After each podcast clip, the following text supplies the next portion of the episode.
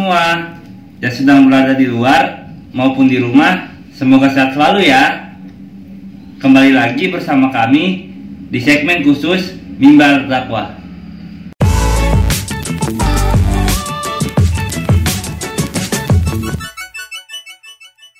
Sebelum masuk ke segmen khusus, perkenalkan nama saya Muhammad Khairul Tamam yang akan menemani kalian di beberapa menit ke depan dengan tema metode dakwah efektif.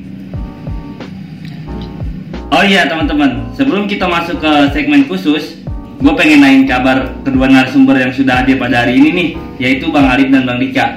Buat Bang Dika, gimana nih kabarnya? Baik, terima kasih Tamam untuk kabar. Alhamdulillah saya baik-baik saja dan semoga akan selalu dengan keadaan yang baik tentunya. Betul. Untuk Alif, gimana kabarnya Alif? Kalau saya sehat selalu alhamdulillah insyaallah. Buat Bang Dika, kesibukannya akhir-akhir ini ngapain aja nih? Buat saya kesibukannya sebenarnya nggak sibuk sih, cuman pura-pura sibuk aja. Enggak untuk saat ini gue jabat di Ketua LSO di Ikatan Mahasiswa Tegal. Hmm. Terus buat Bang Alif, kesibukannya ngapain aja nih? Eh kuliah pastinya ya. Pasti, Kuliah itu. pasti apalagi udah offline sekarang Betul. ya kan Eh, menikmati lah apalagi belum belum merasakan offline selama ini ya kan. Betul.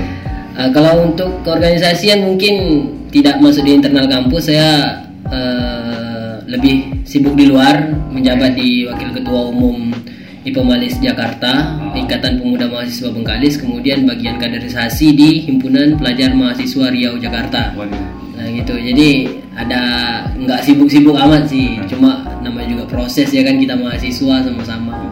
Ya gitu sih itu aja Oh iya, ngomong-ngomong tentang dakwah nih, dakwah adalah kegiatan yang bersifat menyeru, mengajak, dan memanggil orang untuk beriman dan taat kepada Allah Subhanahu wa taala sesuai garis akidah, syariat dan akhlak Islam. Nah, banyak orang yang berdakwah dengan berbagai metodenya masing-masing nih.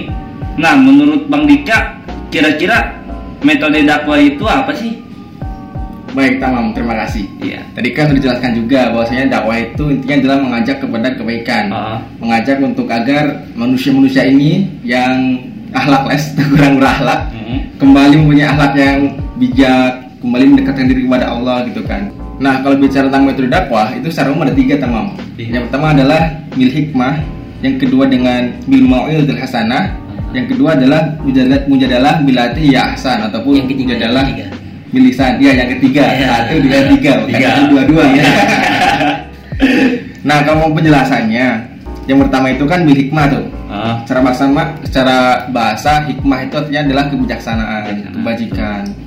Maka kalau dakwah bil hikmah itu artinya kita menyampaikan dakwah dengan penuh kelembutan, penuh kesabaran, bukan hanya sekedar lewat ucapan, tapi kita juga dengan tindakan-tindakan seperti kita menepati waktu ketika yo datang jam segini ya kita tepat datang tepat waktu bukan mulur-mulur bukan ngaret-ngaret iya. seperti kita jujur juga kemudian yang kedua adalah bil mau'idatil bil mau'idatil hasanah itu jelas dakwah dengan cara kita menyampaikan kebajikan-kebajikan pesan-pesan kebaikan ceramah khutbah dan lain-lain untuk yang ketiga akan disampaikan oleh saudara kita yang paling keren Alif. Waduh, Wah. mantap. Eh ini kita lanjutkan ada yang ketiga itu dakwah mujadalah bila tihiya ahsan. Nah gini tamam jadi eh, mujadalah itu berkata berakar dari kata jadalah yang artinya berbantah-bantah, berdebat, bermusuh-musuhan dan bertengkar ya Iya. itu akar katanya. Secara istilah kata mujadalah berarti berdiskusi dengan mempergunakan logika yang rasional dengan argumentasi yang berbeda. Namun, jika mengacu pada akar kata tersebut, mujadalah dapat berdampak pada positif dan juga negatif. Nah, mujadalah juga berarti upaya bertukar pendapat yang dilakukan oleh dua belah pihak secara eh, sinergis tanpa adanya suasana yang mengharuskan adanya perseteruan di antara keduanya. Namun salah satu ulama dalam filsafat Islam yakni Ibnu Sina itu berpendapat bahwa eh, makna kata jadala adalah bertukar pikiran dengan cara bersaing dan berlomba untuk mengalahkan lawan bicara. Iya. Nah, begitu. eh, ini saya jelaskan habis ya. Oh iya. Nggak ya. Nah, kata jadala ini di Al-Qur'an ditemukan eh, sebanyak sekitar 29 kali lah dalam sebagai bentuk dan tersebar dalam 15 surah. Nah, surah yang diturunkan di Mekah sebanyak 10 surah dan yang diturunkan di kota Madinah itu sebanyak 5 surah. Nah, data itu menunjukkan bahwasanya kenapa lebih banyak di Mekah diturunkannya? Bahwasanya karena pada saat itu memang eh, ketika zaman Rasulullah pada saat itu kaum kafir Quraisy itu memang terkenal dengan ini ya. Apa namanya? Teking kalau bahasa saya itu sebutnya. Apa? Ngeyel. Ngeyel. ngeyel ya nggak bisa dibilang. makanya lebih banyak di surah makiyah itu turunnya. Nah, dan eh, konteks ini juga eh, harus di, sangat dipakai lah saya kira di kalangan kita sekarang. Karena bagi saya sendiri itu mengacu eh, pada pengukuran daya sohih. Nah begini karena kebenaran kita akan sesuatu hal jangan sampai kita terkesan mempertahankan sesuatu yang salah.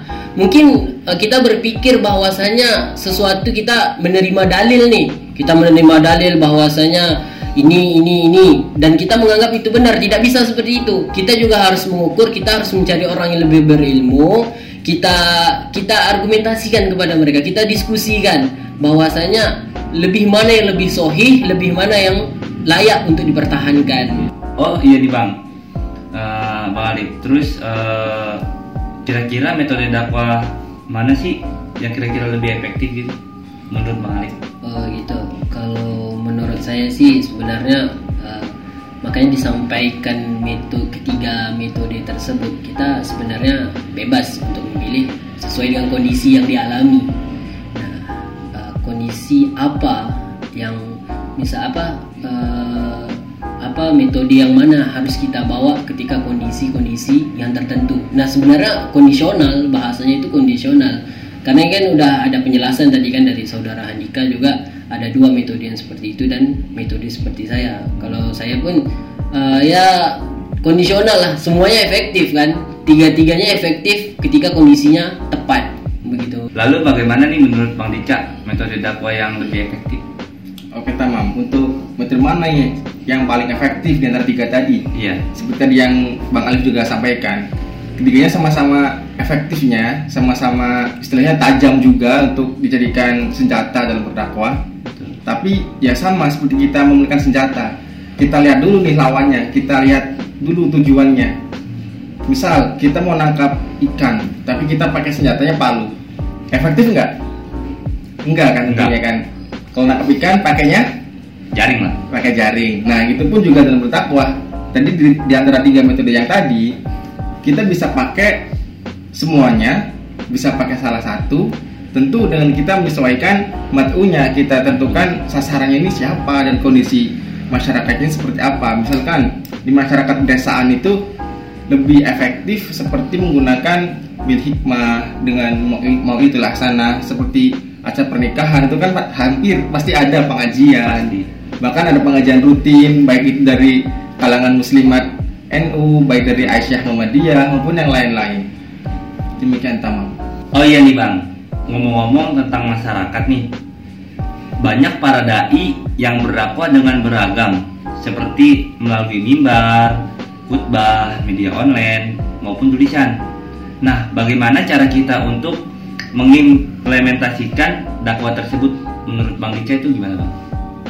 Oke, bagaimana cara mengimplementasikan dari pesan dakwah ataupun cara dakwah tadi Iya. Kalau di masyarakat kan yang tadi sering khutbah, pidato dan lain-lain. Pertama kita bedakan dulu di antara pidato, ceramah dan khutbah itu bedanya apa gitu kan. Pidato itu kesannya seperti formal. Jadi kadang pidato juga bukan sekedar di, di kalangan kita dai Islam bisa juga pejabat-pejabat itu kan pidato istilahnya. Ceramah juga sama. Kalau khutbah itu lebih spesifik lagi. Kalau khutbah itu ada rukun-rukunnya. Misalnya rukun khutbah itu kayak syahadat sholawat minimal menyampaikan satu ayat Quran kemudian ada wasiat takwa juga. Nah kemudian untuk ceramah pun cara penyampaiannya beda-beda.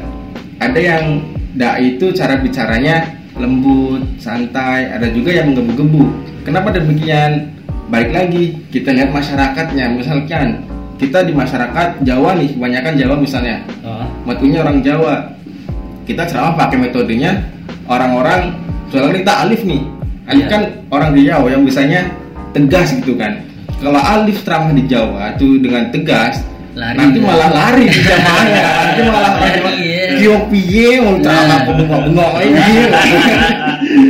begitu juga misalkan orang Jawa datang ke Riau.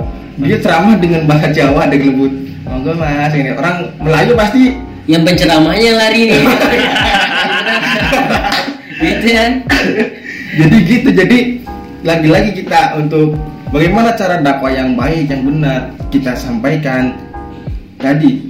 Sesuaikan dengan kondisi dan bagaimana matunya itu seperti apa. Baik latar belakang pendidikan ekonomi maupun budayanya ngomong budaya di kalangan kita pasti udah tahu betul namanya Wali Songo ya kan Pasti. Wali Songo itu terkenal dengan dakwah menggunakan budaya, baik itu menggunakan wayang, menggunakan baju, bahkan menggunakan makanan.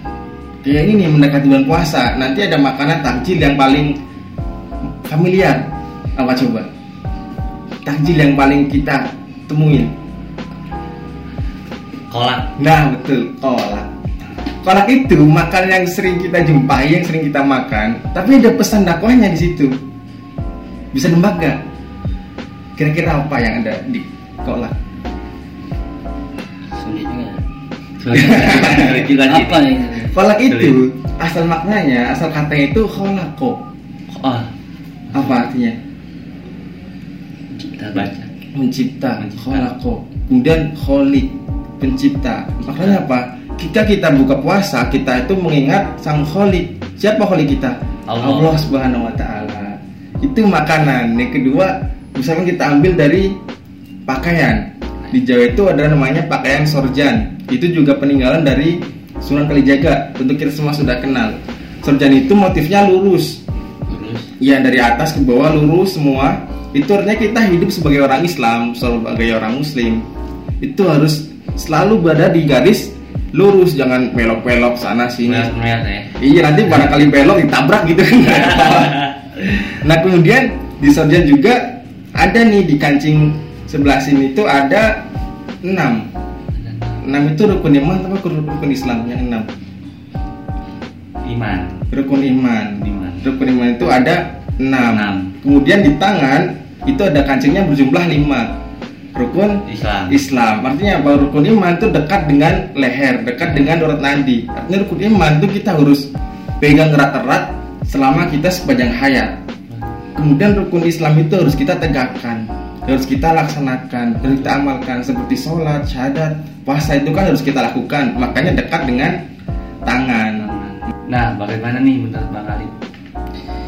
Baik, eh, tadi sudah dijelaskan ya oleh saudara kita Handika, ya, saudara saya, kerabat saya banget. Iya.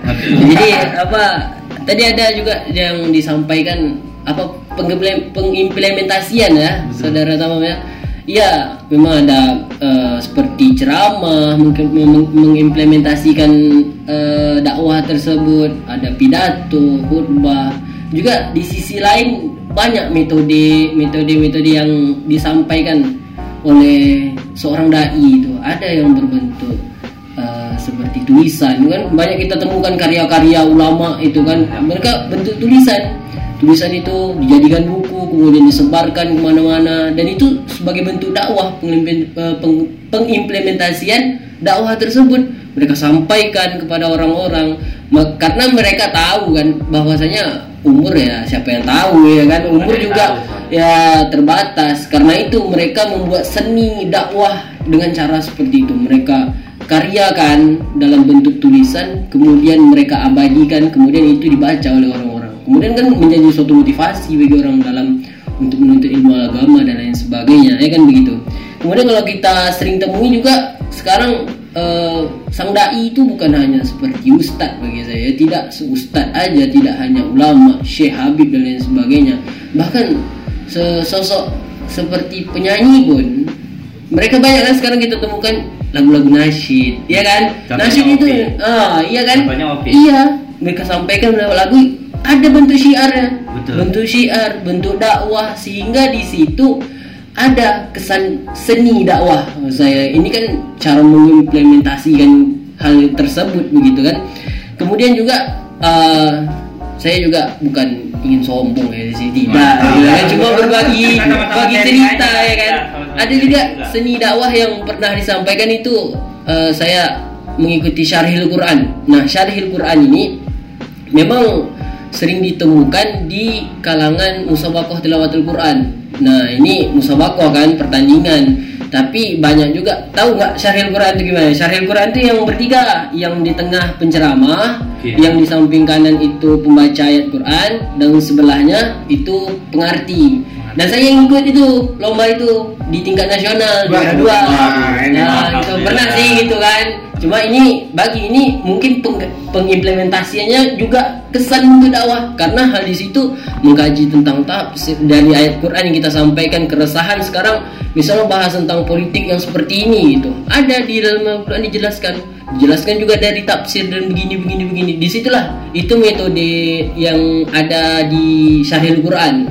Nah kemudian ada juga kalau kita lihat dengar itu kan sering kita dengar di masjid-masjid ya. Uh, syair Abu Nawas. Nah syair Abu Nawas itu yang seperti apa? Yang ilahi ilas itu kan? Ya, tulil firdaus. Nah, uh, sampai selesai. Uh, itu syair. Dan masyarakat Melayu yang saya tahu kan saya orang Melayu Riau ya kan? Saya orang Melayu Riau. Kemudian saya tahu bahwasanya masyarakat Melayu Riau juga senang dengan bersyair tersebut. Nah, dari syair ada kalau di Riau itu contoh syair yang paling terkenal sampai sekarang itu Gurindam 12. Nah, Gurindam 12 itu kan Gurindam satu itu isinya seperti ini, 2, 3, 4 sampai ke 12. Itu ada memang uh, susunannya sampai 12. Semuanya pembagian dan itu syair. Dan juga kalau Abu Nawas itu saya uh, bisa dibilang uh, fans fans Abu Nawas saya bilang kenapa uh, Abu Nawas ini beranjak dari seorang pemabuk dari seorang pemabuk sehingga pembuat syair gitu. Sehingga dia uh, menjadi orang yang ternama. Itu saya kemudian ada pesan Abu Nawas ini yang saya paling ingat sampai sekarang. Itu menjadikan motivasi bagi saya. Ada tiga tingkatan e, cara memandang hidup. Yang pertama itu melalui mata, kemudian yang kedua itu melalui akal, kemudian uh, itu melalui hati. Nah, itu apa? Itu seperti apa? Nah, ini tingkatan kehidupan gitu dari kecil sampai ke dewasa ya. Kenapa? Kalau anak kecil, ini anak kecil, anak kecil uh, ketika dia melihat langit ada bintang, dia bilang bintang itu kecil, betul tidak? Ya kan? Dia pasti betul. dia bilang itu bintang itu kecil katanya kan karena dia nggak tahu hakikatnya dia belum belajar ketika di SD gitu belajar kan tentang meteor gini lebih besar bahwasanya sejatinya bintang itu kan lebih besar daripada bumi ya kan? Sama seperti matahari ya? Seperti itu kan? Kurang lebih seperti itu. Nah kalau di tingkat di tingkatan akal di tingkatan akal itu ada orang yang memandang bintang itu kecil tapi ia tahu bahwasanya itu besar. Nah ini berarti orang yang sudah mempelajari itu itu tingkatan akal dari mata ke akal kemudian ke hati. Ini yang ke hati ini adalah ketika seseorang memandang bintang itu kecil kemudian ia tahu itu besar tapi ia anggap bintang itu kecil lagi. Kenapa saya bilang begitu? Karena ketika orang yang berhati mereka tahu logikanya bahwasanya kebesaran hanya milik Allah Subhanahu wa taala. Nah, itu yang disampaikan oleh apa Abu Nawas Nah, jadi uh, hal itu sangat memotivasi saya karena saya jadi fansnya banyak cerita-cerita lucu yang uh, memotivasi kan ya. Itu bentuk-bentuk pengimplementasian dari dakwah yang uh, kita teruskan banyak lagi, masih banyak lagi kan. Orang-orang sekarang ya dakwah melewati tulisan seperti hotel Quran yang ditulis di mana-mana begitu kan semua berbagai cara lah hmm. apa bisa kita implementasikan. Sekarang kalau pikir saya kita menyesuaikan diri saja dengan cara mana yang kita bisa dan kita tekuni. E, dalam pribadi saya kita ukir inilah ukir apa? Ukir sejarah dakwah kita sendiri itu bagaimana cara. Karena sejatinya kita memang dituntut untuk berdakwah. Baik begitu saya. Nah bang kira-kira hikmah apa saja nih yang bisa kita ambil dari metode dakwah yang tadi abang jelaskan e, pada bang Dika menurut bang Dika tuh hikmah apa aja? Hikmah apa saja sih yang bisa diambil? Baik, tamam. Terima kasih. Maka kita dapat simpulkan, ataupun kita dapat hikmahnya semoga ya kita dapat hikmahnya adalah dakwah yang efektif itu sebenarnya tidak standar standar pakemnya. Harus bagaimana nih yang yang paling baik? Tapi tadi disesuaikan dengan matunya kondisi waktu tempat dan lain-lain. Ataupun misalkan kita kan di zaman modern kita sesuaikan. Kita misalkan dakwah dengan podcast ini juga termasuk dakwah. Dakwah. kan zaman Wali Songo nggak ada podcast kan? Nggak ada, makanya kita tekan dengan zamannya. Wali Songo karena zamannya wayang ya pakailah wayang. Maka kalau kata Sun Kalijaga adalah anglaras eling banyu ngelining orang Kelly kita mengikuti alur tapi kita jangan sampai terbawa arusnya. Jadi kita di era modern kita dakwah dengan cara modern. Demikian menurut saya. Jadi jangan persempit pesan dakwah Menurut Bang Alif nih, banyak apa saja sih yang bisa kita ambil? Nah, sebenarnya cukup lengkap yang disampaikan dengan apa saudara Andika ya. Jadi eh, kalau menurut saya tidak ada paksaan sebenarnya. Jadi tapi walaupun tidak ada paksaan tapi secara tidak langsung dalam berdakwah ya harus memaksakan diri karena menjadi suatu kewajiban ya kan bagi seorang umat muslim untuk menyampaikan pesan-pesan begitu.